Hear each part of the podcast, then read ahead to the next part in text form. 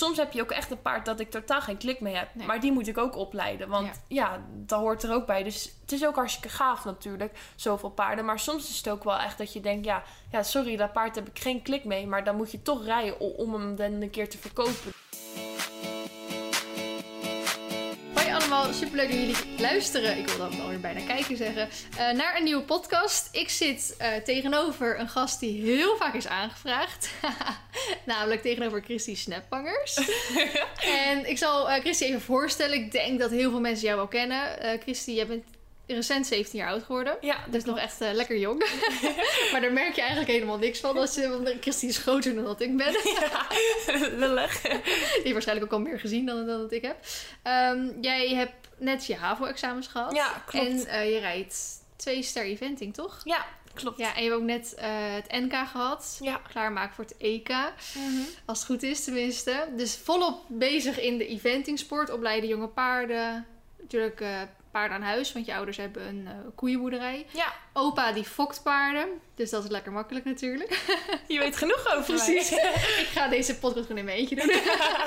ik kan het voor Christy eh, bespreken. Nee, maar ehm, ik vond je wel echt mega interessant. Ja, kijk, ik vind het sowieso leuk om met jou een podcast op te nemen. Want ik weet dat jij lekker kan praten. En dat het sowieso toch gezellig gaat worden. Maar ook natuurlijk gewoon heel interessant. Omdat je op hele jonge leeftijd al topsporter eigenlijk bent. En Ja, ja, dat vind ik wel heel bijzonder. En ook voor heel veel mensen natuurlijk ook wel een beetje inspiratie. Dus ik denk dat je dat ook wel merkt in jouw vlogs, toch? Want je vlogt natuurlijk ook. ja Daar ben klopt. je drie jaar geleden of zo mee ja, begonnen. Ja, klopt. Bij mijn eerste EK Ja. toen. eh, ja. En heb je het idee dat jouw kijkers... ehm, ja, wat, wat, is, wat, wat zijn jouw kijkers? Wie zijn jouw kijkers? Zijn dat mensen die echt naar jou opkijken en echt inspiratie uithalen? Of zijn het gewoon... Ja, het zijn hele verschillende. Ik heb eh, jonge volgers die echt kijken om, omdat ze ook zulke doelen hebben. Ik heb volgers die ook al internationaal rijden en juist een beetje bij mij willen kijken hoe ik het doe. Ik heb eh, hele jonge kindjes die dromen om een keer op wedstrijd te gaan Mhm. en eigenlijk van alles wat. En eh, ja, ik probeer mijn vlogs ook een deel echt backstage op internationale wedstrijden te laten zien. Hoe het nou is om naar zo'n grote wedstrijd toe te trainen. En hoe het soms ook is om met tegenslagen om te gaan. Want die krijg je in je sportcarrière vaak genoeg. dus eh, dat heb ik ook wel eens. En ja, dat probeer ik in mijn vlogs een beetje te laten zien. En zeker wel jonge mensen ook echt te overtuigen om een droom achterna te gaan. Omdat, omdat ik dat ooit ook heb gedaan. En Ja. nog steeds doe trouwens. Want Ja. ik heb nog zoveel dromen dat ik wil. Maar dat, eh, ja, dat wil ik wel met veel mensen, eh, ja, veel mensen doorgeven. Ja, ja, precies. Ik heb nog even jouw vlog die je gisteren of online hebt gezet volgens mij. Van dus eh, jonge paardencompetitie. Ja, En je examens. ja. En toen had je ook een paar mental breakdowns. ja, En dat liet je dan ook gewoon zien. En ja. Ehm, er wordt vaak natuurlijk gezegd dat, dat vooral Instagram een perfect wereldje en zo laat zien. Nu vind ik dat het tegenwoordig best wel meevalt. Want eigenlijk Ja. vooral in de paardenwereld merk ik dat iedereen gewoon best wel eerlijk en Open, is. ja, over dat het gewoon slecht gaat, dat je verkeer van je paard afvalt en Ja, dit en dat en zo. En jij laat dat natuurlijk ook altijd gewoon zien. Ja. Als jij er vanaf valt, dan laat je dat zien. En eh, inderdaad, als je dus een mental breakdown hebt, dan laat je dat ook gewoon zien. Ja. ja, normaal ben ik niet zo van echt in de vlog zo te vertellen. Maar ja, ik eindexamenjaar is zo stressvol, ja. En dan zeker natuurlijk toen nou mijn webshop net begon en, eh, en dan alle wedstrijden erbij. Ik dacht echt, ja, ik weet niet hoe ik het allemaal rond ga krijgen. Dus donderdag krijg ik de uitslag Ja, of ik geslaagd ben of Twee niet. dagen nog. Ja. Maar hoe gingen je examens? ja, het ging op zich wel goed. Ik heb twee niet zo lekker gemaakt. Bedrijfseconomie ging niet zo goed. Nee, dat was En, de eh, eerste, hè? Ja, dat was de eerste. Fijne dus dat start. was, ja, dat was daarna echt gelijk, oh, mijn moeilijkste moeten nog komen. Ja. En eh aardrijkskunde was wel pittig, maar ja, de andere ging op zich wel oké. Dus ik stond er goed voor met alle essays. Het wordt alleen die 5,5 gemiddeld voor je CE's. Dat wordt bij mij nog even spannend. ja, precies. Maar ja, dat horen we donderdag. En anders heb je toch eventueel een herkansing en Ja, dan kan je klopt. nog alsnog Ja, slagen, en nu met corona mogen we ook één vak natuurlijk weg laten vallen. Dus Oh, dat is fijn. Dus stel ik heb echt een zware onvoldoende, mag je die nog schrappen. Oh, chill. Dus ik denk, ja, ik denk met die regel erbij dat het wel moet lukken. Maar ja, precies. ja, ik ga het natuurlijk niet zeggen, ik ben geslaagd en straks... eh, Maar ging de training van de paarden gewoon door? Of heb je dat stilgelegd? Nou, ik ben, ja, ik had natuurlijk, eh, ik had maandag mijn laatste eindexamen, dat was scheikunde. En dan die woensdag ging ik op wedstrijd met twee jonge paarden en Galante en Ted voor de tweester, dus het NK. Dus het was eigenlijk een hele belangrijke wedstrijd direct na mijn Ja. examens. En je kan ze niet even twee weken eh, Nee, stilzetten of precies. zo? Je moet keihard daar naartoe werken dan. Dus eh,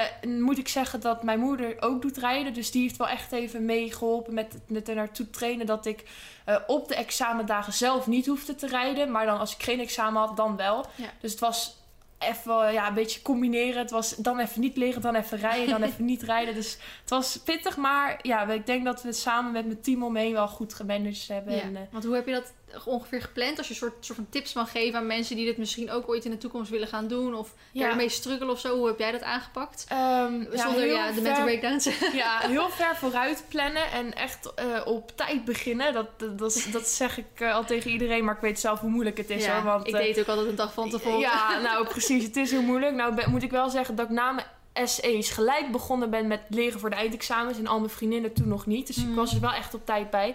Maar ja, ik had er tussendoor nog een wedstrijd in Parijs, zes dagen. Ja. Kan je ook niet trainen. Dus ik Nee. wist dat, of kan je ook niet leren. Ja. Dus ik wist dat het wel echt pittig ging worden. En eh, ja, eh, het is misschien niet een goed voorbeeld, maar elke dag de wekker om zes uur eruit gaan leren en weer gaan rijden. Dat is dus wel een goed voorbeeld. ja, ik en mij lukt dat niet hoor, ik om zes uur. ja, het is misschien niet het beste voor je, maar ik heb gewoon even een maand echt keihard eh, gepikkeld. En eh, ja, hopelijk is mijn diploma op zak en dan ja, gewoon rust houden, plannen en probeer overzicht te houden. Dat is Ja. een beetje de Maar hoe staan jouw ouders er dan in? Want aan de ene kant willen je ouders natuurlijk graag dat je slaagt, hè? dat je voor Ja. school gaat.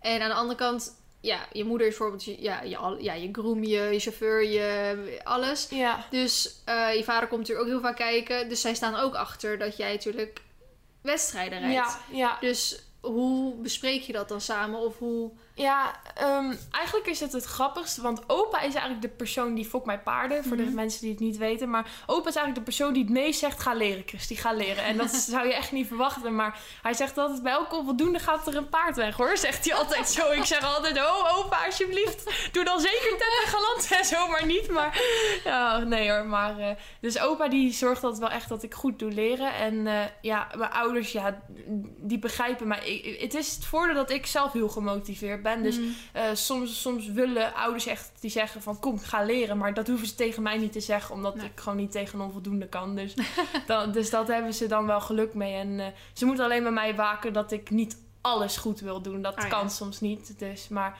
op zich, eh, nee, ik krijg het allemaal wel goed rond. Denk je dat dat een mentaliteit moet zijn om dit niveau aan te kunnen? Want als ik Mm. een onvoldoende had, dacht ik, oh, gewoon onvoldoende. Nou, volgende keer wel weer beter, weet je wel.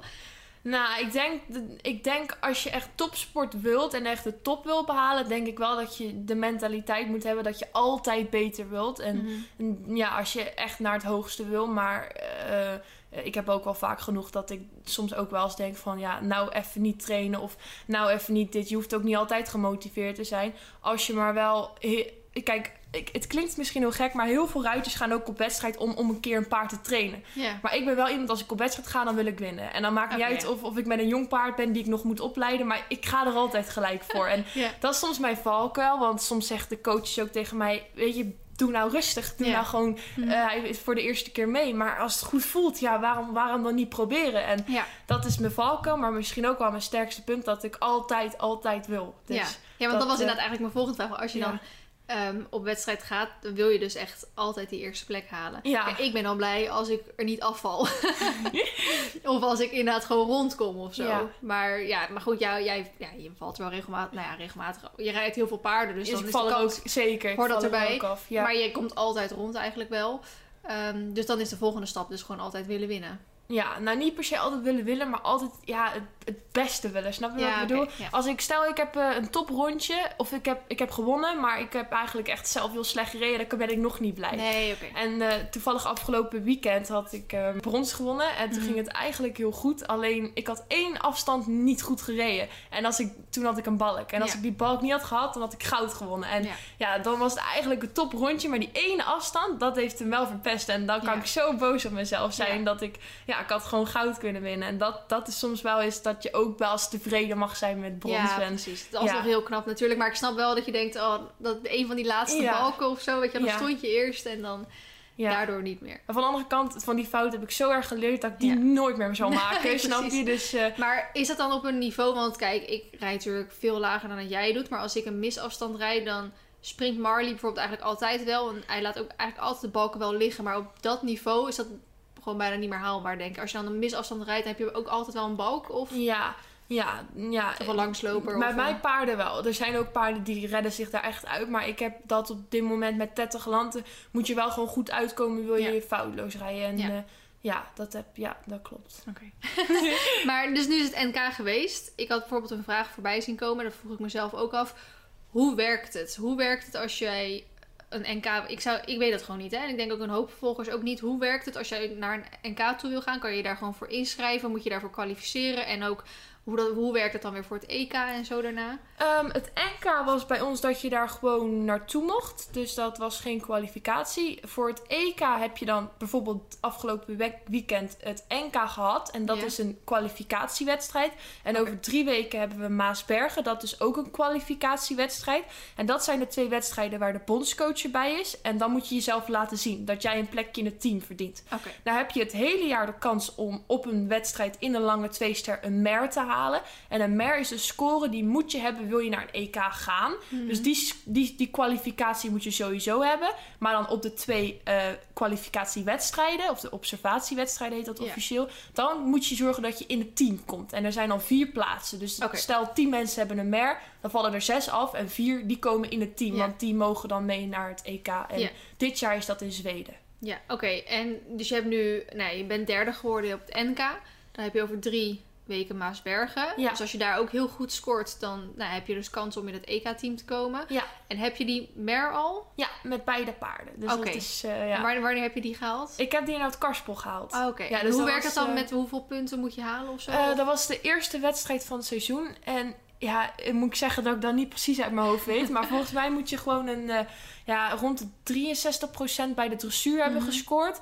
Mag je volgens mij best wel drie balken hebben. En moet je foutloos in de cross en mag je iets van 20 seconden buiten de tijd. zo, maar dat is zo. gewoon best wel soort van makkelijk nog om dat ja, gewoon te kunnen ja, halen. Klopt. Dus het is niet eh, nee, heel streng eh, of zo. Nee, het is, meestal is je mer wel eh, redelijk goed te behalen. Alleen je wilt het liefst ook in het kader komen, want je hebt B-kader en A-kader. En dan heb je al sneller kans om in het team te komen. En die scores zijn, liggen allemaal wat hoger. Maar ik moet je niet aan mij vragen, ik weet ze niet precies uit mijn hoofd hoor. Ik weet alleen bij dressuur volgens mij, als je boven de 68% zit, op, over die drie wedstrijden of zo, dan zit je in het B-kader. En heb je al die drie wedstrijden boven de 70% of zo, dan zit, kom je in het A-kader. Ja. Volgens mij hoor. Ja, ik weet het ook ja. niet precies. nee, maar ik weet in ieder geval, Galante wat heeft me echt verbaasd. Want die eh, gaat dit jaar verliep die voor het eerst twee ster. Ja. Ja, hoe die die cross aanpakte, dat was echt een droompaard. Echt niet normaal. Maar mag jij dan ook, ehm, stel je, je bij, komt bij een van die vier bijvoorbeeld, kan het dan zijn dat je met twee paarden bent? Ja. Dan neem je eigenlijk twee plekjes in beslag. Nee, dat kan niet. Je kan wel dat je selecteert met twee paarden. Maar Ja. dat betekent dan dat je een reservepaard hebt. Dus Ah, stel, ik zou het liefst bijvoorbeeld met Ted willen. Ja. eh, maar Ted die krijgt in één keer iets. En Galante is ook geselecteerd. Mag ik nog met Galante. Oh. Dus dat ik er sowieso Ja. heen zou En als jij. Galante niet zou hebben, dan wordt je plek gewoon aan Ja, iemand dan anders wordt het aan gegeven. iemand anders Ah, gegeven. Dus dan eh, zou helemaal Ja, zijn. Dat dus, dus eh, hoe groot denk je dat je kans is om voor het EK te selecteren? Uh, nou ja, ik, ik, ik vind dat altijd heel lastig om te zeggen. Maar vorig jaar, moet ik wel zeggen, ben ik natuurlijk Nederlands kampioen geworden met Ted. En wij hebben afgelopen wedstrijden wel echt elke wedstrijd in de top gereden. Dus wel, ja, we staan er wel heel goed voor op dit ja, moment. En, eh, maar je kan natuurlijk nog niet... eh, Nee, zeker niet. Want je weet het met paarden, hij zou zo een blessure kunnen krijgen en dan is alles over. Maar eh, eh, ja, weet je, Ted is gewoon een heel steady paard, is heel getalenteerd. En ik denk wel dat eh, ook Marcelle, de bondscoach, wel echt in, in Ted gelooft en in Ja. mij. Dus ja, ik, ik ga niks zeggen, maar Nee, precies. het, het- mijn gevoel zit op dit moment wel Ja. goed. En als je dan, stel je zou naar het EK mogen en je zou hè, even op de zaken vooruit lopen en je zou daar heel goed op scoren, kan je dan ook naar het WK toe of hoe werkt dat? Nee, het, eh, bij, nee, nee, het is altijd heel gek bij ons, hè, maar het EK is wel echt dan het laatste. En het WK is weer totaal een hele andere selectie. Oh, Ja. oh, bijzonder. Ja. Is, dat, is het EK wel dan bijvoorbeeld iets voor de Olympische Spelen of is dat ook weer heel anders? Ja, als junior nog niet. Oh. Volgens mij is dat wel als je echt senior bent. Oh, je maar- niet als junior naar de Olympische Spelen toe? Nee, nee, want je mag dat sowieso pas vanaf je achttiende. En je Hmm. bent Oh, ja. junior tot en met 18. Dus Oké. eh, ja. Oké. De- en Denk je of hoop... Ik denk dat de Olympische Spelen wel een soort van jouw einddoel, droomdoel... Of... ja, dat is zeker wel ooit mijn droom. maar ik zeg altijd, geloof in je droom. Dus ik ga zeker ook mijn droom achterna. Maar Ja. ik weet ook wel hoe moeilijk het is eh, om, om ertussen te komen. En eh, hoe, wat voor bizar gekke hindernissen je dan tegenkomt. Want oh, ik loop wel eens al voor de grap zo vier ster cross. Want dat is een beetje dat niveau. En dan denk ik, oh, zou ik dit ooit durven? En dan ga ik dat zo een beetje visual- visualiseren. Ja. Maar ja, oh, ik, vind, ik kik er wel echt van hoor, als ik er naar kijk. En elke keer denk ik weer, oh, dit wil ik gewoon. En eh, ik denk dat op dit moment Galante echt de kwaliteiten daarvoor zou hebben. Mhm. Maar ehm, ja, de weg is dan nog heel lang om Ja. daar naartoe te komen. Ja, goed, maar Ted en Galante, nou ja, die stond natuurlijk ook al zijn wel jouw eerste toppaarden, zeg maar, om dit niveau te rijden. Ja, toch? op dus dit je, moment. dus ja. je bent eigenlijk Ja. nog heel nieuw op dit niveau, toch? ja, ja, dat klopt. Het is niet Ja. alsof je al zes paarden op dit niveau hebt uitgebracht Nee, of zo. nee eh. zeker. Nee. En ik had toevallig eh, een maand geleden mijn drie ster debuut gemaakt. Mhm. En dat is eigenlijk pas vanaf jong rijden, dus vanaf 18 jaar. Maar Ted voelde zo goed aan, dus ik dacht, ja, we gaan gewoon een keer een niveautje hoger proberen. Mhm. En toen zijn wij foutloos door die cross gekomen, dus dat is wel echt heel gaaf. En Ja, snap je. ja, dat was wel heel cool. En is Olymp... Ja, want bij sommige sporten kan het anders zijn. Want je hebt bijvoorbeeld eh, tennis. Dan is Olympische Spelen is wel iets. Maar eigenlijk is volgens mij op Wimbledon of iets anders... Oh, is veel groter en veel bijzonderder Ja. als je daar kan spelen. Is dat in de eventing... Is dan, is dan Olympisch niveau het hoogste soort van haalbare? Of is bijvoorbeeld badminton dat? Of is voor. Broekelo dat of zo? Ja, ik denk dat Olympische Spelen natuurlijk altijd gewoon wel echt hoog is. Maar als je op badminton kan rijden of op een boekelo, ja, Ja. Dat, is, dat is gewoon ook een droom, apart droom. Snap je wat ik Ja. bedoel? Dat is gewoon de wedstrijd waar je gewoon wil zeggen, ja, daar heb ik ooit Daar gereden. Weet je wel, dat- daar ga ik van start, ja, Ja. natuurlijk. Ja. Zou je dat ooit willen? Want ik hoor ook wel eens van verhalen van mensen juist andersom. Van daar wil je niet starten. Want dat zijn, dat zijn echt hindernissen. Nou, als je je paard kapot wil hebben, dan eh, moet je daar gaan starten, Ja. weet je wel? Nou dat hoor je ook wel eens. Ik, ik zeg altijd van, als je zo goed getraind bent met je paard en je vertrouwt elkaar echt 100%, dan kan je elke hindernis aan. Want Ja. ehm, ik, ik zou er nu nog gewoon nog niet klaar voor zijn. Ik, ik, ik rij al wel eh, op een niveau, maar dat niveau is gewoon echt nog een stap hoger. En daar moet ik mezelf als ruiter zijn er nog veel verder voor ontwikkelen. Om die druk ook aan te kunnen en, en de lef genoeg daarvoor te hebben. Maar ook mijn paarden zal dat nog te veel Ja. afschrikken. Maar als je nog twee jaar verder bent of zo en je bent dan ja, zoveel meer ervaring. Ik denk dat je daar wel ingroeit. En als je Ja. dan elkaar echt 100% vertrouwt, dan denk ik dat dat gewoon een wedstrijd is dat je gewoon allebei heel gezond aan de finish komt met een mega kick. Oh, Ja. inderdaad. Als ik, de, als ik die foto's van Alice, die heeft volgens mij badminton een paar keer gestart. Eh, Alice naar. Nou, als ik dan die foto's zie, dan denk ik, mijn god, al kreeg ik 100.000 euro, zou ik nog niet over zo'n hindernis heen gaan. Oh, als ik die kans krijg, zou ik gaan. Oké, misschien is dat wel veel, maar... Leuk. Hey, eh, misschien is het leuk om even ehm, te vertellen hoe wij elkaar kennen. Ja, Want ehm, misschien zijn mensen daar benieuwd naar. Nou, ik ken jou via YouTube eigenlijk wel. ik jou ook. Dat is, maar ik was, ja, we zijn net bij een paard wezen kijken. Daar gaan we straks ook nog wel eventjes... eh, een paard voor mij, niet voor Christy. Die heeft wel genoeg. Maar ehm, die vroeg toen inderdaad ook... Ja, waar kennen jullie elkaar van? Ja, dat is het best wel raar eigenlijk voor... Want ja, die, die handelaar is het natuurlijk... Die kent eigenlijk helemaal geen YouTube. Of die weet helemaal niet wie ik ben of zo natuurlijk. Die kent jou wel, want jij kende weer iemand. En nou, jullie wonen in dezelfde stad. Dorp, ik weet niet wat Berg of Zoom is. Maar ehm, best wel raar om dan ja, soort van te zeggen dat je elkaar via YouTube kent. Maar het is wel zo. Ja, dat klopt. En ook nog even grappig, want jij we hadden natuurlijk net over een beetje wat jouw doelgroep is.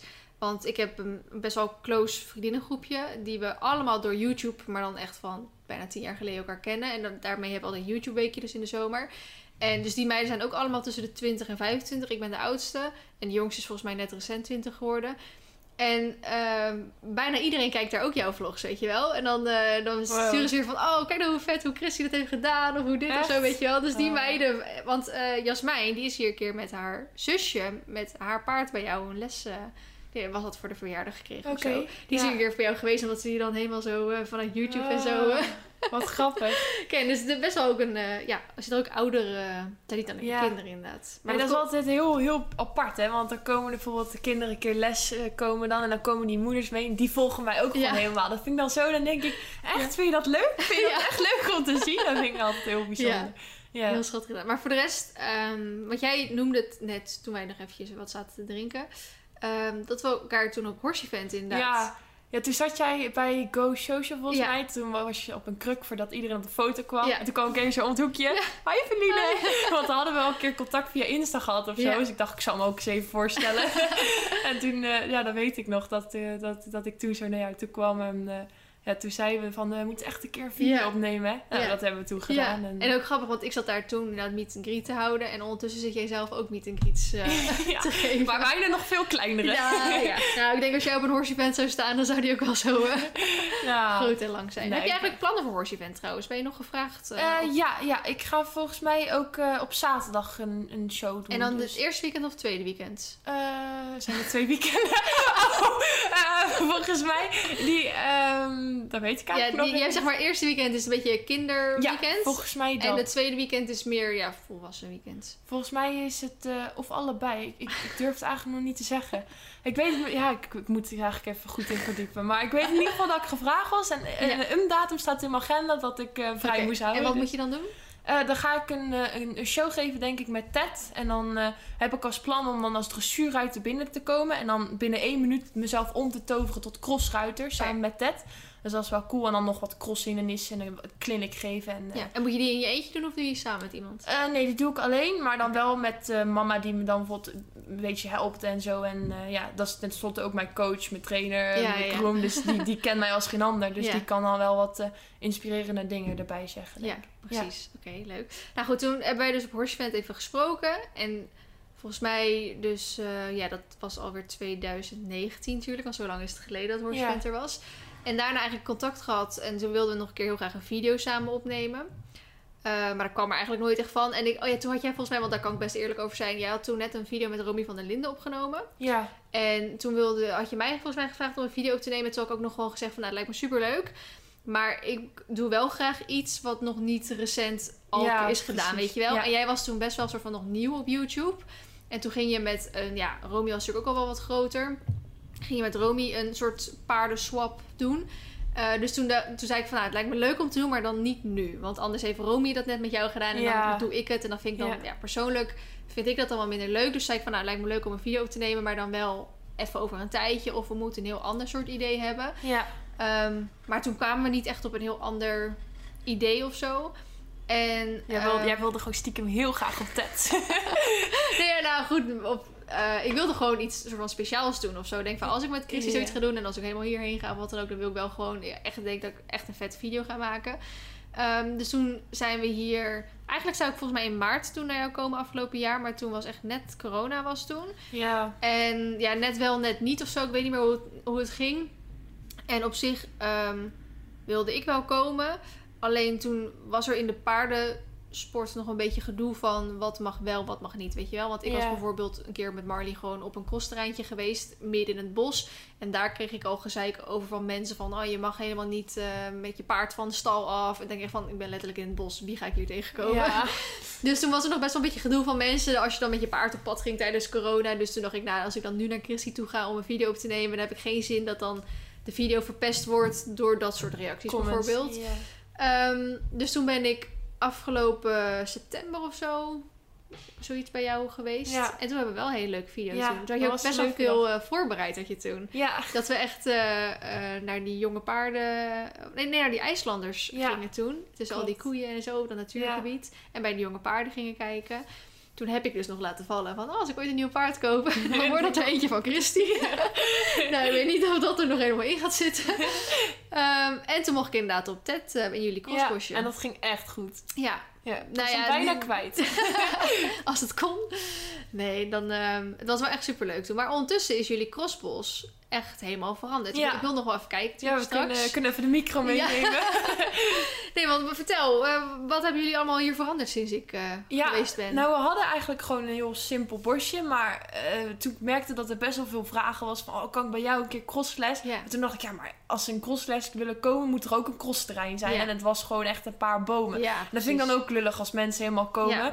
Dus papa die zei, eh, en opa die maken zelf hindernissen. Eh, daar ben ik toen gaan vragen. En toen begon opa met een huisje. En toen kwam er een trekkerband bij. En zo kwamen er steeds meer coole hindernissen. En dat is eigenlijk een beetje uit mijn hand gelopen. En nu staat er een heel terrein eigenlijk. Dus dat is wel heel leuk. En het is zelf ook heel fijn als ik dan bijvoorbeeld een jong paard van opa of zo een keer al een keer thuis wil crossen. Nou, dat is, nu kan ik gewoon stappen en ik heb uh, crosshindernissen. Dus nu kan ik jonge paarden ook gewoon een beetje aan huis opleiden.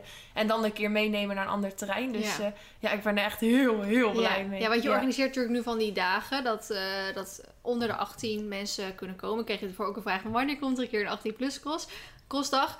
Maar dan zag ik dat terrein liggen. En dat ligt helemaal vol met allemaal hindernissen. En toen zijn inderdaad niet alsof er vier hindernissen bij zijn gekomen. Nee, het ligt gewoon helemaal, is ja. op een berg gekomen. Ja. En, maar uh, oh, dat is echt een beetje, dat zit echt een beetje in onze familie. Opa en papa zijn ook zo fanatiek als, als we iets doen. Dus die zeiden, oh hindernissen, oké. Okay. Dus die gingen er gelijk tien maken allebei, weet je wel. Nou, dan zit het zo vol. Dus ja, dat is precies. echt heel snel gaan. Maar in, in, er is inderdaad ook, ik doe ook gewoon echt al aan oudere mensen lesgeven. Ja, ouderen, precies. dat is zo leuk. Maar 18 plus, weet je wel. Uh, ja. Ouder dan mij. En uh, nee, dus dat doe ik nu ook al. Ja, maar komt er ook zo'n 18 plus crossdag, wat je toen ook had georganiseerd? Of? Uh, ja, ja, ja, dat gaan we ook allemaal nog doen. Uh, ik, ik heb de uh, laatste maand zoveel vragen over gehad, maar ik was alleen maar met mijn examens ja, bezig. Dus mijn mails, ik denk dat er echt nog 200 openstaan, maar dan ga ik straks allemaal beantwoorden. En dan ga ik ook op social media gewoon zeggen wanneer er zo'n echt crossdag komt of een, een, een, een showtje of zoiets, ja. dat, dat mensen kunnen komen. Dus dat is wel leuk. Want wil je ook vaker lessen gaan geven? Want je hebt natuurlijk nu je oren gehaald. Ja, nou ja, ik, ik, ik zou altijd mijn sport op nummer 1 hebben. En daarna dan YouTube op nummer 2. En, en dan op nummer 3 wat lessen gaan geven. Maar het is maar net waar mijn passie naar uitgaat. Maar sport zal altijd één blijven. En als ik een wedstrijd heb en ik moet die week veel trainen, ja, dan doe ik niks. Maar nee, als, ik, uh, als ik tijd heb, dan wil ik ook echt wel uh, ja, mensen ontvangen en, en tips gaan ja. geven en les geven. Nou, het scheelt natuurlijk ook dat je woont nog lekker thuis. Je bent nog Ja. lekker jong of zo. Weet je? Ja. Dus het is niet zo alsof je echt, uh, echt bakken met geld moet gaan verdienen om alles rond te kunnen. Nee. Huur en weet ik, weet ik het Nee. wat te moeten gaan doen. En nee, zo. klopt. En wat zijn de plannen hierna? Dus je hebt net je examen gehaald. Nou, hopelijk natuurlijk geslaagd. Ja. En uh, ga je nu door in de paarden? Neem je een tussenjaar? Ga je gewoon studeren? Ja, het was natuurlijk wel gek, want ik had net voordat ik 17 werd, was ik nog 16. Toen was ik naar de KVK gegaan om me in te schrijven voor mijn eigen bedrijf. Dus Ja. dat was al wel echt heel jong. Maar ja, de, ik ben nu heel actief in mijn webshop en dat loopt eigenlijk zo goed. En ik vind dat zo leuk dat ik wat meer wil gaan verdiepen in marketing en, en iets meer richting dat. Dus Mhm. ik had me eerst ingeschreven in Breda, commerciële economie. Maar dat is best wel een flinke HBO-opleiding. En ja, als je al zoveel dingen eromheen hebt, Ja. toen zei mama ook. daar word je misschien niet gelukkig van. Want ik merkte wel, de laatste maand op de HAVO was ik niet meer zo gelukkig. Want als dan mensen vroegen van, hé, hey, vriendinnen van, hé, hey, zullen we afspreken? Ja, ik had gewoon nooit tijd. En ik merkte ook wel dat ik daar niet gelukkig van werd. Dus nu ga ik dan liever eh, naar Johan Cruijff, dat is in Tilburg. En dan heb je wat minder school. Dan heb je bijvoorbeeld drie dagen school. En dan heb je Mhm. twee dagen dat je gewoon eventjes Oké, niks hebt. En dat is veel beter te combineren met mijn sport. En ook als ik bijvoorbeeld een keer een, een to- toets zal missen, dan mag ik dat gewoon inhalen. En Oh, weet je wel, daar was het echt, als je een toets miste, telde dat van je herkansing. Dat Mhm. weet je wel, dat gaat gewoon niet werken op lange termijn. Nee. Daar krijg ik er zoveel stress van. Dus mama zei ook, doe gewoon een opleiding dat goed kan combineren met sport, met je bedrijf. En dat je ook gewoon af en toe eens een keer nog steeds leuke dingen kan blijven doen met vriendinnen. En eh, ja, sinds ik die ben eigenlijk bij, eh, bij de commerciële economie ben uitgeschreven en voor sportmarketing op Johan Cruijff ben ingeschreven, Ja. voel ik me al gelijk weer zoveel Ja. opgeluchter en gelukkiger dat ik gewoon langer nog iets meer vakantiegevoel zal houden. Ja, en niet eh, gelijk weer keihard 24-7 moet gaan eh Ja, want ik denk op zich natuurlijk HAVO het laatste jaar en examens, dat is druk. Maar ik denk op HBO, dan moet je weer vier jaar gaan doen. Ja, Dan, dan ja, ik, ik verbaasde me bijna dat ik dacht van, oh, gaat ze toch... Hè, want jij je had natuurlijk, we hebben het al eens eerder over gehad, ja, van eh, je wilt toch wel graag een opleiding doen, maar inderdaad, je bent zo druk in de paarden en met eh, je webshop en zo, met YouTube, dat, dat, ik het, dat het me niet zou verbazen als je zou zeggen, ik ga geen opleiding meer doen. ja. En ik, Heel veel mensen zeiden ook, neem Ja. het tussenjaar, weet nou, je maar dat zou ik nooit doen. Nee. Want ik denk als je eenmaal tussenjaar neemt, dan ga je dus niet meer. Nou, dus dat dacht ik dus, Dus ook. het is of je moet eigenlijk nu gaan beslissen, ook al is het wel heel moeilijk op deze leeftijd en Ja. in, in deze drukte, om dat te gaan beslissen van oké, ga ik wel opleiding doen of ga ik het niet doen. Mhm. Dus je, je kan natuurlijk altijd proberen, hè, je opleiding. En als je denkt, nou, dit is op zich te combineren of hè, met jouw mentaliteit, dan moet het lukken. Ehm, maar ik denk, ik zou het je niet kwalijk nemen als je op een gegeven moment zegt, nou, dat is niet te doen. En eh, je moeder denkt anders overigens. dus, eh nou, super knap dat je dat eh, Ja. Ga doen. Ja, nee, maar ik weet ook wel natuurlijk voor de toekomst. Kijk, we weten allemaal, paardensport is geen goedkope sport. En eh, Ja. we, we- daarom wil ik ook zeker wel gewoon echt straks wel een bedrijf hebben dat ik wel alle mijn wedstrijden eruit kan betalen. En Ja. dat het allemaal wel leuk zal blijven. Want Ja. wedstrijden zijn eenmaal wel echt duur. En Ja. eh, dat begin ik me ook steeds meer te realiseren. Dus ja, daar moet zeker ook wel een keer wat voor terugkomen. Want betaal je nu zeg maar zelf gewoon mee eh, daarin? Of? Ja, ja, mama en ik doen het nu wel echt samen. En eh tuurlijk, eh, ik ben nog 17, dus mama doet nog veel voor mij. Maar Mm. we doen het al steeds meer echt samen, ja. Ja. ja, want je hebt dus ook nu je webshop. Ja. Hoe is dat ooit gestart? Ehm, nou, eigenlijk gewoon omdat ik mijn YouTube-kanaal... en dan krijgen mensen... Oh, is er ook merchandise Ja, voor ja. jou? Zo is het bij mij ook begonnen. Ja, dus toen dacht ik, merchandise, wat is dat? Ja, dus dat ik, zei dus ik- Wat is dat? Ja, nou, dus ik dacht ook, wat is dat allemaal? Als ik een beetje verdiept zag ik het bij jou, weet je, dat je dan je eigen naam erop zet. Ja, en, dat ze dan, en zo begon het eigenlijk met een simpel, wat was het eigenlijk? Waar begon het ook alweer mee? Volgens mij Eh, een, Een vest of zo. Ja, zoiets. Een Ja, petje. Een dingetje. petje, ja, iets heel simpels. En da- dat ging heel goed. En toen dacht ik, ja, het, en ik heb natuurlijk een fantastische sponsor Horka. Ja. Waar ik in mijn sport al heel veel eh, mee samen deed. En die doen ook dus eh, Kleding ja, maken. En kleding. Zo, ja. Precies. En toen zeiden ze van, nou, dan kunnen we jou wel aan helpen. En zo zijn we eigenlijk verder gaan samenwerken. Ook voor, ja, kleding. En eh, nu is het niet meer alleen maar een fanshop, maar nu is het ook gewoon echt producten. Zoals eh, bijvoorbeeld met jonge paarden. Ik val er best ook vaak af van een jong paard. En ik dacht, er moet iets voor komen. En jij hebt hier wel zo'n standaard bokriem of een, eh, eigenlijk een beugelriem... wat je dan wel eens om de hals doet, dan kon je goed vasthouden. Ja. En toen dachten we ook, ja, dat werkt niet helemaal goed. En toen zijn we eigenlijk een safety belt gaan ontwikkelen. En dat, dan zit je wat steviger. Als je dan bijvoorbeeld afvalt of hij bokt, dan kan je je daar vast aan pakken. heb je meer balans. En zulke producten vind ik wel heel cool om te ontwikkelen. Dat ik merk, ja, daar heb ik behoefte aan. En Ja. misschien wel vele anderen. En dat is dan iets unieks of zo. En dat heb ik dan nu ook steeds meer op mijn webshop. En dat vind ik heel interessant. En Ja. Ik merk dat ik dat zelf in, in het rijden ook heel fijn vind. Zulke items. Ja. En, eh, Het is ook wel Ja. slim als je dan ehm, als YouTuber of, of topsporter zoiets wil gaan verkopen. Dan is het altijd wel leuk natuurlijk om een shirtje met je logo of wat dan ook. Maar ik zou ook altijd aanraden om inderdaad iets unieks te gaan verkopen. Ja. Wat anderen niet hebben. En, Precies. of, of wat moeilijk is om aan te komen. En bij jou Ja. wel makkelijker bijvoorbeeld. Ja. Ja, en ook steeds meer als ik wat ik zelf op wedstrijd gebruik en ik zelf heel fijn vind, dan zeggen ze wel eens in mijn video: Oh, kunnen we eigenlijk die kappen ook kopen? Want ik Oh ja. vind die kappen echt top. Dus Ja. goed doorlaatbaar voor de benen, weet je wel, Ja. zulke dingen. En dan denk ik: Oké, dan zet ik dat op mijn webshop, want dat sta ik zelf achter, dat gebruik ik zelf. En zo ga je dat, zo komen er steeds meer artikelen op. Eh, Maar is het nog wel te doen om dat in je eentje, want je moeder werkt, helpt volgens mij wel eens. ja, het is nou wel echt druk. eh, is het niet slim om eh, iemand in dienst te gaan nemen? Ja, ja misschien wel, ja. Maar dan vind ik dat je eerst wat meer nog voor moet draaien om echt Ah, iemand ja. in dienst te nemen. Maar ja, het is nu wel, eh, wel steeds drukker. Nou, ik ga het met mijn merchandise werd voorheen altijd door Agradi gedaan. Nou, dat gaan we Ja. wel anders doen. Ehm, maar ja, ik weet niet of je dat interessant vindt. Maar er zijn van die bedrijven die dat voor YouTubers zeg maar doen. Ehm, die doen bijvoorbeeld ook de webshop van Enzo Knol, weet je wel. Daar is gewoon Oh. een bedrijf die daarachter zit. En die heeft gewoon nou, gigantisch magazijn en al die spullen en zo liggen daar. En ehm, ja, hij geeft natuurlijk een percentage van die verkopen, gaat dan naar hun toe. En wij hebben he- echt een aantal jaar geleden hebben wij toen eh, de gast die dat toen der tijd, ik weet niet of hij dat nu nog steeds doet, maar toen der tijd voor Enzo zeg maar deed, hebben wij toen een soort ehm, presentatie voor Go gekregen.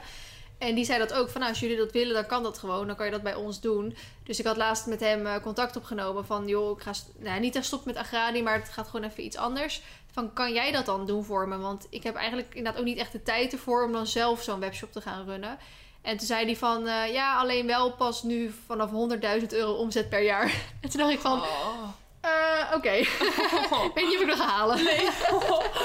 Precies, dus, maar er zijn dus bedrijven die dat voor je over kunnen nemen. En dan in Ja. ruil voor een percentage. En dan hoef je niet echt iemand zelf in dienst te gaan nemen of zo. Ja, het ding is dat ik wel het gewoon zo leuk vind Ja. zelf. En je hebt ook zoveel in de hand. Want soms dan, dan bel ik wel eens een klant op en dan zeg ik van... Goh, ik, zou je daar niet een maatje kleiner... Oh, heb ik nou echt Christy aan de lijn? Dat, Echt, dat is zo grappig, weet je. En dat vind ik eigenlijk ook gewoon hartstikke leuk. Of, of als ze ja, iets... Dan schrijf ik wel eens op een kaartje even erbij van... Veel plezier van je bestelling. En dan met mijn Ja. Of op je Instagram, dan maak je weer even een leuk fotootje dat Ja. je bezig bent met inpakken ja, of zo. en ik vind het gewoon zo leuk om het zelf te doen. En ja, ik, ik vind het ook gewoon... Het klinkt toch gek, maar ik vind dat werken, het pakketje pakken ook gewoon echt leuk om te doen. Dus ja, dan is- waarom zou ik het dan niet zelf blijven doen? Nee, als je het inderdaad blijft redden of zo tussen, Ja. tussen alles, dan is het nog wel... Precies. Maar als het straks helemaal uit de hand gaat lopen... Nou ja, ik had toevallig deze week dan zo'n kortingscode gedaan. Maar dan merk ik dat er in één keer echt, nou ja, drie, drie dubbele wordt besteld. Dus toen was ik wel even dat ik dacht, misschien had ik dat toch even beter moeten timen. Dus toen had ik wel dat mijn nichtje even kwam helpen. Mama Dan stonden we even met Oh, z'n ja. drieën alles te doen. Maar Ja, ja, dan heb je ook een paar uur er tegenaan en dan heb je ook alles eh, rond. ja dus. precies. Oh, toch wel een soort kleine ondernemer eh, schuilt er in jou. En wat is dan, ehm, nou ja, goed, het is nu misschien nog lastig om te zeggen, maar heb je een idee wat je later, zeg maar, wil? Als in een eigen Sporten. stal? Of eh, ja, wil je een eigen stal en wil je dan voornamelijk paarden opleiden? Of wil je trainen? Of wil je...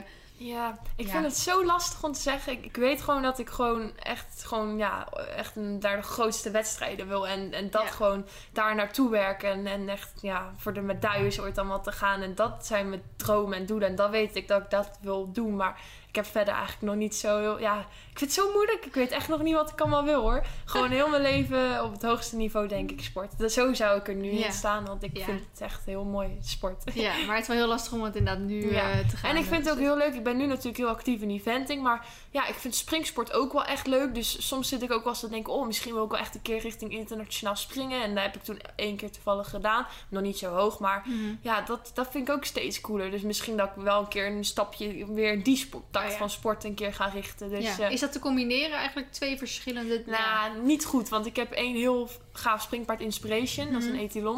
Die heeft opa ook gefokt. En, en die, daar zou ik echt wel meer mee kunnen. Maar ja, weet je, het is op dit moment financieel niet te doen. Eén keer per maand internationaal is wel de max. En misschien Ja. als ik ooit een sponsor kan vinden die mij daarin wil ondersteunen... dan zou ik met Inspiration ook nog internationaal gaan. Maar ja, financieel kan ik dat nu zelf niet. Dus heel jammer, want ik zou het echt willen. En ik Nog denk, meer spullen bij Christy kopen, jongens. en ik denk ook echt dat hij het kan. Maar ja, ja, ik snap het ook wel. Echt twee internationale wedstrijden in de maand, dat is niet te doen. Nee, Dus, dat kost echt... Want ik weet niet, kan je, daar, kan je dat zeggen hoeveel zoiets kost? Of... eh, ja, de het is, meeste- het is heel afhankelijk. De ene wedstrijd is heel... Ja, de ene wedstrijd is duurder dan de andere wedstrijd. Ja. Dus, maar eh, Maar voor me, ja, waar zouden mensen aan kunnen denken? Moeten ze aan duizenden euro's denken of honderden euro's? Of... eh, volgens mij is inschrijfgeld voor een internationale wedstrijd voor één paard... Ja, rond de 300, 400 euro. Zoiets, als ik het En dat is alleen zeg. je inschrijfgeld. dan, Ja, hè? precies. En dan heb je nog allemaal kosten eromheen soms. Ja, dus dat, precies. Ja, moet je nadenken dat dat werken. Inschrijfgeld 300, 400 euro is. En bij gewoon een, een normaal proefje 15 euro of zo, ja, weet je wel? ik weet het. Ik vind het ook bizar. Maar ja, ik geniet zoveel van die sport dat, Ja. dat je ervoor doet. En iedereen heeft zijn hobby. Hè? Ik geef heel weinig geld uit aan, aan etentjes, weet je. Want Ja, dat doe ik allemaal heel veel niet. En ik ga ook heel weinig shoppen. En, En we doen, zitten ook niet aan de drank en de drugs. Dus nee, precies. Dus daarom... dus ja, iedereen heeft zijn dingen. En ja, ja, ik, eh, ja, ik geniet ervan. Hey, zullen we naar de vragen overgaan? Want ik heb ehm, nou, heel wat vragen binnen natuurlijk gekregen. Ik vind het wel leuk om zelf hè, wat vragen aan jou te stellen. En ook vragen die mensen ingezonden hebben. Kan echt alle kanten op gaan. Dus ik ga ze gewoon eh, random vragen. Is goed. Nu kreeg ik wel een vraag van een vriendin van mij. Die wist wat wij vandaag gingen doen. Hoe was het kijken bij je eventueel nieuwe paard? En die was natuurlijk meer op mij gericht. Want eh, ja, ik heb het in de vorige podcast al verteld. Dus ik ga er nu niet heel uitgebreid op in. Dan moet je maar even die vorige podcast gaan luisteren. Dus dat ik misschien toch een beetje op zoek ga al. Eh, en dit, vandaag was het eerste paard waar ik ging kijken. En morgen ga ik er weer bij eentje kijken. Maar die van vandaag was wel heel leuk. Ja, het was echt leuk. was echt ehm, super lief was die. Heel mooi. Hij had echt hele mooie ogen had hij. Hij was goud waard. Hij, ja, hij was echt goudkleurig. Net zoals bijvoorbeeld George van eh Brit. Is een beetje dat parelmoer, weet je wel. Ja. Nou, deze was echt goud gewoon in de zon. En hij was echt, echt heel braaf. Wel echt, ja, dat was een vierjarige. Dus echt nog wel natuurlijk een beetje kijkerig. Maar viel heel erg mee. Wat een beetje jammer was. Want had eerst had iemand eh, voorgereden. Hè, de, jagene die hem rijdt dan. En toen was hij eigenlijk best wel braaf. En toen ging ik erop, was hij ook best wel braaf. Maar toen begonnen ze dus eh, met bomen rooien. Dus eh, in zo'n gigantische hoogwerker. Dus takken van echt bomen van 20 meter hoog afsnijden. En dat was precies naast de bak. dus hij was op zich nog steeds al heel braaf. Alleen ik ging niet echt meer heel dicht langs die kant natuurlijk. Want ja, ik wil geen dingen uitlokken.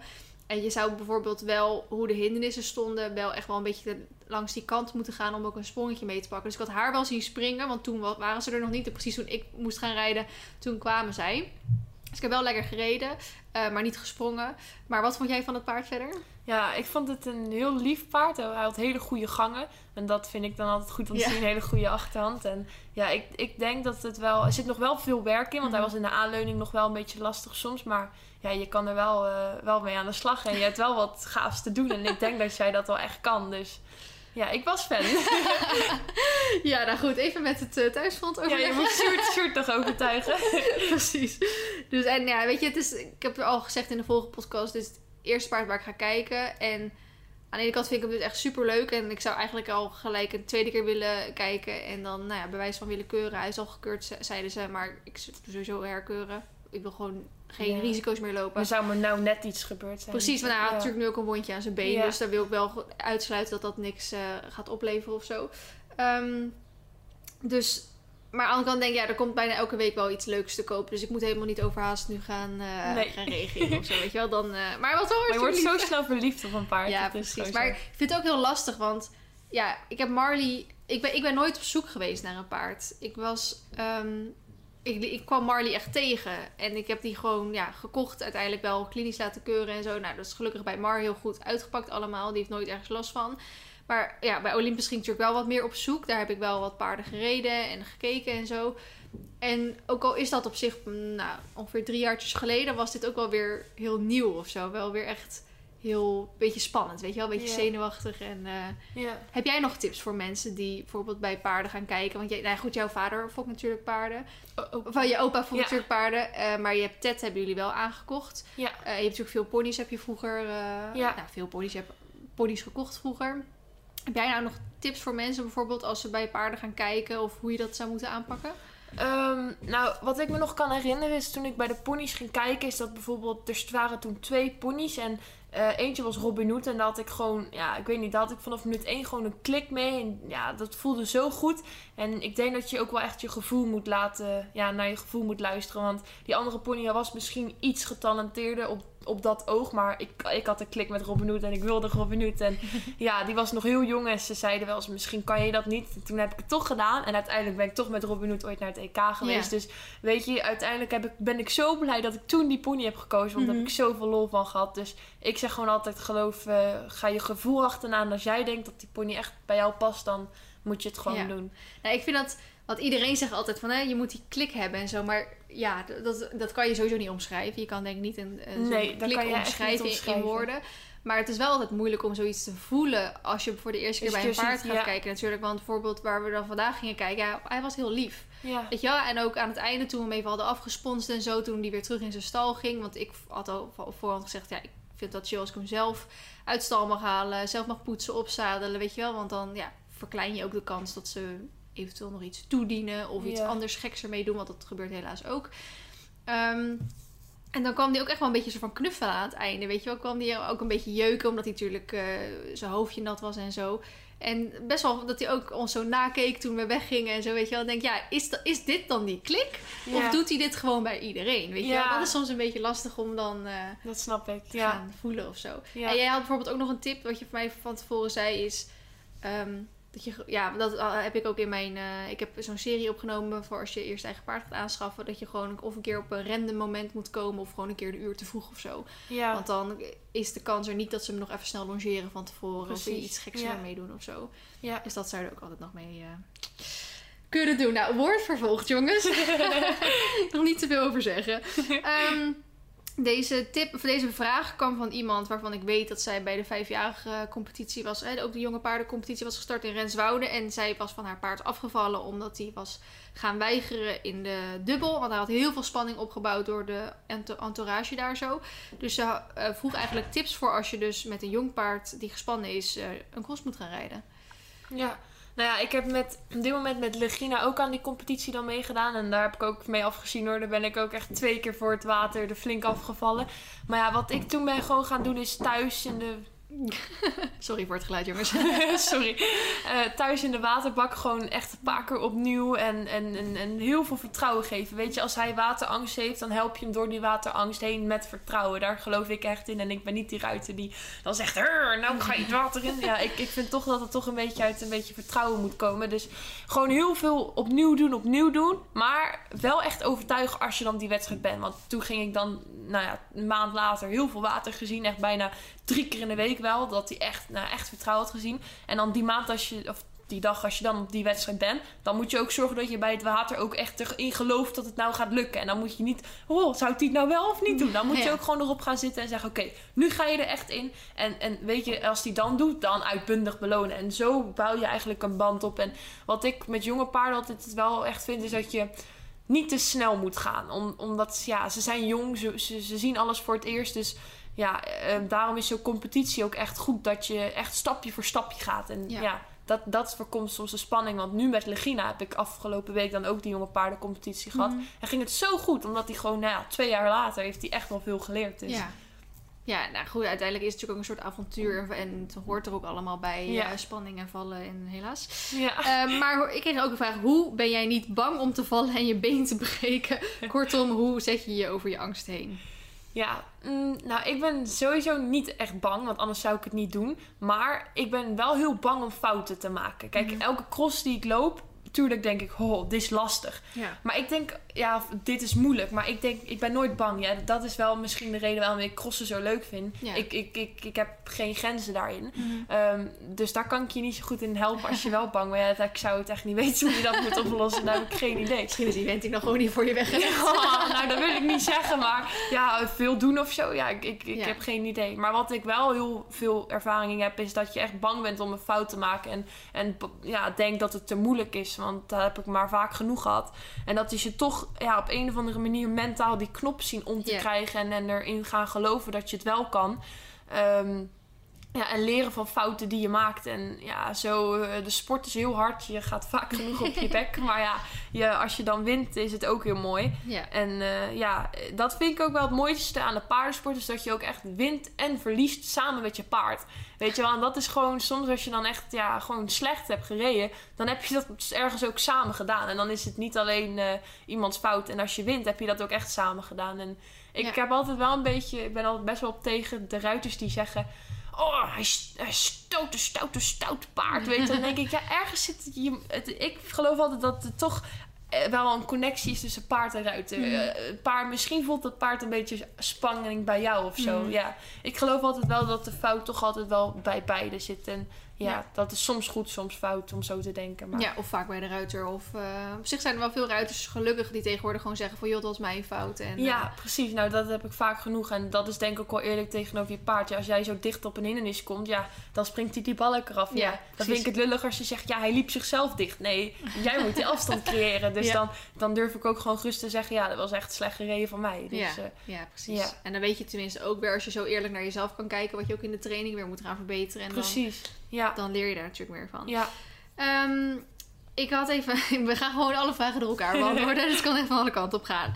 Ik kreeg een vraag, heb jij een vriendje? Nee, die heb ik niet. ik zag wel een hele leuke jongen voorbij komen in je vlog. Of wie is dat? Die zat achter het stuur toen. Eh, achter het stuur. Die bracht jou naar... Oh, die werkt hier. Oh. Dat is, eh, die werkt- tussen de koeien. Nou, kan ook. Kan ook. ja, nee, ja, ik vind boeren alleen maar leuk hoor. Maar nee, dat, eh, nee, nee, daar, nee dat, die werkt hier gewoon. Maar nee, soms met mijn vriendinnen hebben we allemaal vriendjes. Dus soms vind ik het ook wel, zou ik ook wel eens denken, oh, ik wil er ook wel één hoor. Want ja, dan zitten die altijd allemaal leuke verhalen over hun vriendjes te vertellen. En ik heb er Ja, nog ja. steeds geen. Maar ja, ik, misschien ben ik soms een beetje te kieskeurig daarin. Of, of ja, wat ik soms wel echt lastig vind is als je bijvoorbeeld... Ik, ik vind eh, de tijd voor corona... Ik ben echt wel van het uitgaan en ik vind schuurfeest altijd wel heel leuk. Maar ja, dan, als, dan is het al snel genoeg dat ze toch achterkomen dat ik echt een YouTube kanaal heb. En Oh ja. toch snel, weet je wel, een paard toe rijden. En niet alle jongens accepteren dat. Ik bedoel, sommige jongens doen best wel stom over paarden, meisjes en zo. Maar dan denk ik, je moet me eens leren kennen. Ik ben Ja. echt niet zo'n paardentrutje hoor. Ik ben echt wel meer dan dat, weet je Ja, wel. En precies. eh, we, zijn, we hebben nog heel leven naast paarden. En, Ja. Maar dat snappen sommige jongens niet. Dus ja, dat is soms wel eens wat een beetje, een beetje in de Ja. weg staat. Maar zou je het kon, ook nog kunnen combineren nu? Een relatie? Naast alles wat je al doet? weet ik niet. Maar als ik leuk jongen tegenkom, dan Maken we toch veel voor over. Nee. Maken we tijd voor? Maar ja, hij zal wel ook wel echt moeten accepteren dat ik natuurlijk echt veel met mijn sport bezig ben. En dat ik ja, daar wel bijna elk weekend eh, weg ga voor mijn sport. Dus ja, Precies. dat is wel, eh, ja, ik weet het niet. Maar ik zou best een vriendje willen hoor. Jullie kunnen je aanmelden, jongens. ja. Oh. Oh. Hey, eh, pas jij je training aan op dit warme weer? Want het is natuurlijk sinds eh, ja, ongeveer kleine twee weken in één keer, in één keer bloedheet. Elke, elke dag. Het zwembad heb jij natuurlijk ook alweer lekker Ja. opgezet. Elsa het zwembad ook. Ja. Nog niet gevuld helaas. Maar pas jij je training daarop aan of niet? Nou ja, ik train sowieso wel veel richting gevoel, weet je wel. Mhm. je kan plannen bijvoorbeeld een dressuurtraining, springtraining. Maar is die die dag met dressuur gewoon niet fijn? Ja, dan ga ik nog een dag dressuren. Dus is hetzelfde met het weer. Ja, is het echt warm? Ja, dan ga ik niet zo'n zware conditietraining doen Nee, als normaal. Dus ja. Ja. ik hou daar zeker rekening mee. Ja, ja. Hey, op welk beroemd paard zou jij ooit nog een keer willen rijden? Ja, Als je gewoon iedereen mag kiezen, hè? Ja, ik heb er wel één, maar ik weet niet of iedereen die kent. Dat is eh eh, Fisher Chickman van Michael Youn. Maar ik denk dat Michael Jong kennen de meeste wel, die Ja, wel eventing... Dat is eh, gewoon dat, volgens mij is hij twee of drievoudig Olympisch kampioen, dat paard. Dus Oh, ja, daar zou ik wel een rondje mee willen crossen hoor. super vet lijkt me dat. Maar ook super moeilijk. Want wij hadden het ook al over toen we bij dat paard wegreden. Omdat jij ook zei, ja, er zit best wel veel werk hier aan. Maar als je bijvoorbeeld eentje koopt die al wat meer kant en klaar is. Die heeft al die knopjes heeft die erop op zitten. Ja. Dat kan ook heel moeilijk zijn Ja, om die knopjes te vinden. Want jij hebt misschien juist hele andere signalen. Ja, precies. En, en dat kan misschien nog wel zo voor juist toch moeilijker eigenlijk zijn. Om dat dat is- paard dan weer zo van om te scholen naar jouw eh, rijstijl. Of jouw rijstijl aan te passen naar hoe het paard gereden is. Ja, Dat is de reden dat ik jonge paarden opleiden ook echt zo fijn vind. Want Ja. je, je creëert je paard ook echt hoe jij Ja. het fijnst vindt. En dat maakt je straks dan het sterkste team, zeg ja, maar. ik denk ook dat het een van de dingen is waarom ik bijvoorbeeld met Arena nooit echt een goed team kon worden. Of bijvoorbeeld, ik mocht op eh, G-Line van eh Davy van Dikkele Kuiper rijden. En zij van ja, super braaf paard, dus zet zet eh, springen. Maar dat paard had gewoon zulke andere knopjes. Ik kreeg hem niet eens in draf, weet je Nee, wel. Dat ja. ik denk, ja, wat de fuck, kan echt wel rijden hoor. Maar ik kreeg dat paard gewoon niet in draf. Ja, ik snap je. Ja, ik snap het. En, en ik had echt een mini sprongetje gedaan. Maar dat paard die is ook zo fanatiek. Hè? Want die Ja. paarden moeten net zo fanatiek zijn als hun ruiter eigenlijk. Om dit niveau te kunnen springen. En zo'n paard wordt ook gewoon best wel boos op zichzelf. Als die bijvoorbeeld in een verkeerde galop landt of zo. En ik kan dat paard totaal niet helpen om in een goede ga- galop te landen. Want zo eh, opgeleid ben ik zeg maar nog niet. Dus toen ging G-Line ook echt een soort van bokken. Zo van, kom op, eh, je moet me ook wel even helpen. Of je moet wel ook even, weet je wel, dat ik echt dacht van rustig. ik lift gewoon met je mee. jij, jij moet het maar doen. Dus dat is ook natuurlijk wel een ding. Ja, die, ja als er al de knopjes al op zitten en zo, dan is het ook wel eh, Ja. Lastig dat om te rijden eigenlijk. Ehm, en welk paard vond jij het allerleukste dat je tot nu toe ooit hebt mogen trainen? Of ja, Eh, ja, dat kan ik eigenlijk niet kiezen hoor. ik vind echt, eh, ja, elk paard heeft iets bijzonders. De ene is een boef, de andere is een, eh, ja, weet je, elk paard heeft zijn kwaliteiten en zijn mindere punten. Maar ja, ik vind, ik vind elk paard leuk. Tuurlijk, hé, er zijn ook momenten dat ik denk, oh, moest, dan nou, moest je me er nou zo afgooien, weet je wel. Maar nee, ik denk dat elk paard wel iets bijzonders heeft. En eh, ja, ik zou niet kunnen kiezen wie ik nou leuker vind of nee, zo. hoor. precies. Nee. En eh, hoe zit het nu met de jonge paarden? Want je hebt eh, ongeveer twee jaar geleden ben je Korenbloem en Cassara en zo allemaal gaan rijden. Mhm. Ja. En dan heb je nu Legina, hè, want je gaat KL. En dan wordt het nu M dit jaar, ja, denk ja, ik. ja. En heb je alweer nieuwe M'tjes die je aan het rijden ja, bent? Ja, opa fokt natuurlijk wel gewoon door. Dus eh, die, die, zijn, die zijn nog niet helemaal ontzadeld. Die, Mhm. Want wij doen best wel pas op iets op latere leeftijd zadelmak maken. Eh, dat is wel een beetje door opa. Die zegt, ja, ik wil eerst dat ze gewoon goed uitgegroeid zijn. En dan pas aan de slag. Eh, anders krijg je op late leeftijd wel eens last van de rug of... Ja. Daar gelooft Ja. in. En dat vind ik ook wel een Ja. heel, eh, heel realistisch iets. Mhm. Dus die zijn nog niet zadelmak. En daar gaan we denk ik rond deze tijd binnenkort een keer mee beginnen. Dus maar jij maakt ze niet zelf zadelmak, toch? Eh, nee, maar wel nu ik dan nu vakantie, als ik donderdag slaag, hè, dan heb ik vakantie. Dan, als dan dus eh, Casper, die doet ze bij ons zadelmak maken. Als Mhm. die dan komt, dan ga ik wel helpen met eh, een beetje opzalen en vasthouden. En ja, dat doe ik wel.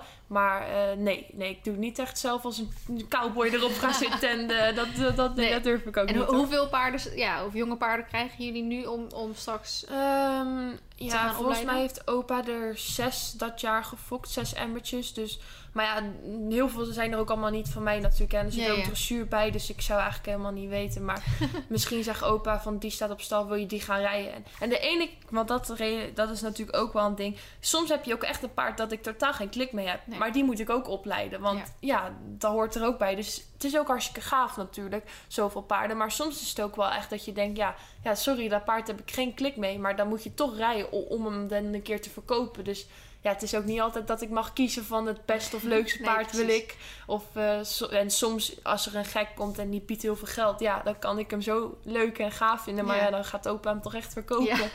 Dus, Geld eh, Ja, worden. precies. Dus Ja. dat is soms wel eens lastig. Maar ja, ehm, soms heb ik wel eens moeite om bijvoorbeeld zo'n springpaard als Inspiration. Daar is veel vraag naar om die te houden. Tot nu toe heeft opa het nog gedaan. Maar ja, als er een keer echt, echt, echt een bod komt, dan denk ik dat opa dat ook gaat zeggen. Ja. Dat vind ik jammer, want ik zou heel graag met hem een keer echt hoog in die springsport te komen. Maar ja, Ja. ik snap dat ook wel. Ja. Ja, dus dat, dat hoort erbij. Ja. Ja, hoort, ja zitten de voordelen en de Ja. nadelen zitten erbij. En welk eh, van de jonge paarden denk je dat het ja, soort van meeste toekomst, eh, beste toekomst, of denk je die gaat het echt heel Ja. goed doen, of is dat nog heel lastig te zeggen? Nou, we weten wel eentje die is echt heel gaaf. Dat is Korenbloem. Maar dat is ook wel degene die het aller, allermoeilijkst is. En dat is echt een heel apart, ap- apart paard.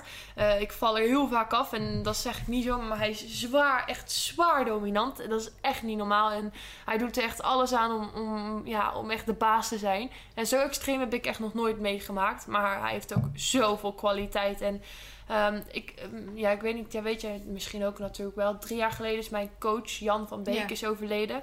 En de week dat hij overleed, zeg maar die dag ervoor, toen eh, was ik met Galante gekomen. En Galante, eh, dochter is Mhm. En toen had ik een filmpje laten zien van, kijk, dit is de nakomeling van Galante. En toen had hij gezegd, zo, die moet je reserveren. Dat is een gave. En dat ging over Korenbloem.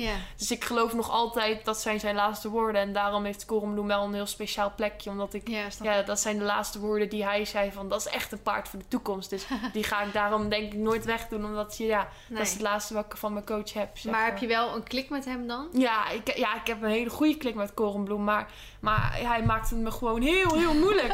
en hij laat toch wel eens zien dat die sport, topsport best wel hard is. Want met hem kan ik echt wel naar het hoogste, denk ik ooit. Maar ja, de weg ernaartoe wordt nog een hele kunst, zeg maar. Maar ze zeggen inderdaad wel vaak met dat soort paarden van, oh, dan, dat de weg heel zwaar was. Maar als je eenmaal dat punt Ja, bereikt hebt, precies. dan is het helemaal waard geweest. Ja, en, dat heb je eh, ook allemaal toch wel eens bij Jeroen Dubbeldam of zo. Ja. Bij die die video's gezien. Dus dan denk ik, nou, dan kan ik later ook zo'n coole docu maken erover. Snap je? Zo denk ik ook altijd maar. Oh, tenminste, een coole docu maken. ja, precies. Goeie, inderdaad. Hey, ehm, bij topsport en wat jij... Nou ja, topsport kunnen we het niet alleen noemen vanuit hè, dat je hoog ni- niveau rijdt. Maar ook dat je nog jong bent, dat je je school ernaast doet, dat je webshop... En dat is, ondernemen is vaak ook een soort topsport. Nou, dan weet ik niet of het voor hoge sport jij doet. Maar jij hebt het toch ook wel heel druk, hè? Oh. Maar ik kreeg bijvoorbeeld de vraag met wat doe je nadat je een fout hebt gemaakt? Nou, dat gaat denk ik over als je dat in de, op een wedstrijd bijvoorbeeld hebt gemaakt. Maar ik wil hem eigenlijk ook wel vragen naar... ehm, want ja, ik denk dat dat mentaal natuurlijk veel met je doet als je een fout maakt. En dan moet je weer even kunnen schakelen en zo. Maar hoe, hoe, hoe, hoe doe jij het überhaupt je leven mentaal, zeg maar? Eh, Want we hadden het voorheen over die kleine mental breakdowns die je dan had. Nou, super logisch. Maar heb je iemand die je daar bijvoorbeeld mee helpt? Hè? Zo'n soort coach. Bui- Buiten dat het een coach voor je paarden is. Heb je misschien ook iemand die je helpt mentaal of zo? Om ehm, aan te kunnen allemaal? Ja, ik ben eigenlijk gewoon heel open altijd met mijn ouders. Dus als er iets is, dan ga ik altijd naar mama of papa en dan vertel ik mijn verhaal. En dan zeggen ze van ja, ja dan, dan geven ze me advies en dan kan ik weer door of zo. Ja. Ik, ik ben altijd, als ik het gezegd heb, dan vergeet ik het en dan vind ik het weer goed of zo. Dus Ja. ja, op zich gaat, ja, nee, ik, ik- ja, het, het gaat eigenlijk wel prima. ja, tuurlijk heb ik ook dat het soms echt wel allemaal heel veel is. Maar ja, wat ik er allemaal voor terugkijk, ja, ik, ik heb wel een heel gaaf leven. En ja, ik kan ook wel echt genieten van alle piekmomenten daarvan. En daar haal ik mijn energie dan weer uit. Precies. Want, en dan had ik nog een vraag. Eh, voel je je soms wel eens alleen door het vele trainen in de topsport? Ja, dat wel. Ja, ik bedoel, ik heb ook eh, een hele lange tijd nog hockey erbij gedaan. Mhm. En dat vond ik zo leuk met mijn team. En, ik, en nou, dat ging ook echt wel goed. En dan mocht ik altijd, weet je wel, rechts voor. Dan kon ik of voor zitten of scoren. En dan met zo'n team. En dan doe je het samen. En ja, je doet het nou altijd samen met je paard. Dat is heel leuk. Ja. Maar dan heb je een sociaal, social life, heb je Nee. er natuurlijk helemaal niks aan. Dus dan ben je best wel alleen. En ja, dat, dat is, vind ik soms wel eens moeilijk. En eh, nu, dat, daarom maak ik me soms ook wel zorgen als ik nu weer naar zo'n topsportschool ga. Mhm. Dan zit je met allemaal sporters die eigenlijk ook weer weinig tijd hebben. En dan ga je toch ook weer misschien niet veel kunnen afspreken. Mhm. Maar ja, goed, ik, gelukkig zit ik dan ook nu hier zo bij de KPE. Dat is zo'n jongere groep en daar kan ik dan mee uitgaan. En dan heb je Oh ja. toch ook een beetje wat leuks. Maar ja, daar krijg je ook weer de keerzijde als ik op wedstrijd ben. Ja, dan kan ik natuurlijk niet alcohol drinken de dag ervoor. dus dan gaan we natuurlijk uitgaan. gaan we dan ook niet doen. Nee. Maar ja, eh, ja, ja, het is wel alleen soms. Maar ja, wat ik er allemaal voor terugkijk, vind ik het wel waard. En eh, dat zou je ook elk jaar moeten afwegen. Vind je het allemaal waard om alles te laten Ja. wat je nu doet? Maar ja, ik heb dat op dit moment zeker dat ik het allemaal waard vind. Ja, precies. Nou, ik vind het een mooie om ermee af te sluiten. Heb je eventueel nog een soort, ja, nou, ik wil niet zeggen levensspreuk, maar meer echt een soort advies waarvan je denkt, dat, dat geef ik altijd aan iedereen. En dan niet zoiets van, hè, volg je dromen en zo, maar heb je een soort Mm, advies dat je echt denkt, nou, dat geef ik, of een tip En dat Ja, kan trainingstips Ik heb zijn. wel dat kan- altijd, eh, dat zegt opa altijd tegen mij als ik een beetje begin te twijfelen. Dan zegt hij altijd, eh, twijfelaars winnen niet en winnaars twijfelen niet. En dat vind ik ook wel echt een mooie. Bijvoorbeeld als ik een beetje onzeker zeg van, ja, ik weet het niet hoor opa, ik moet nou nul springen.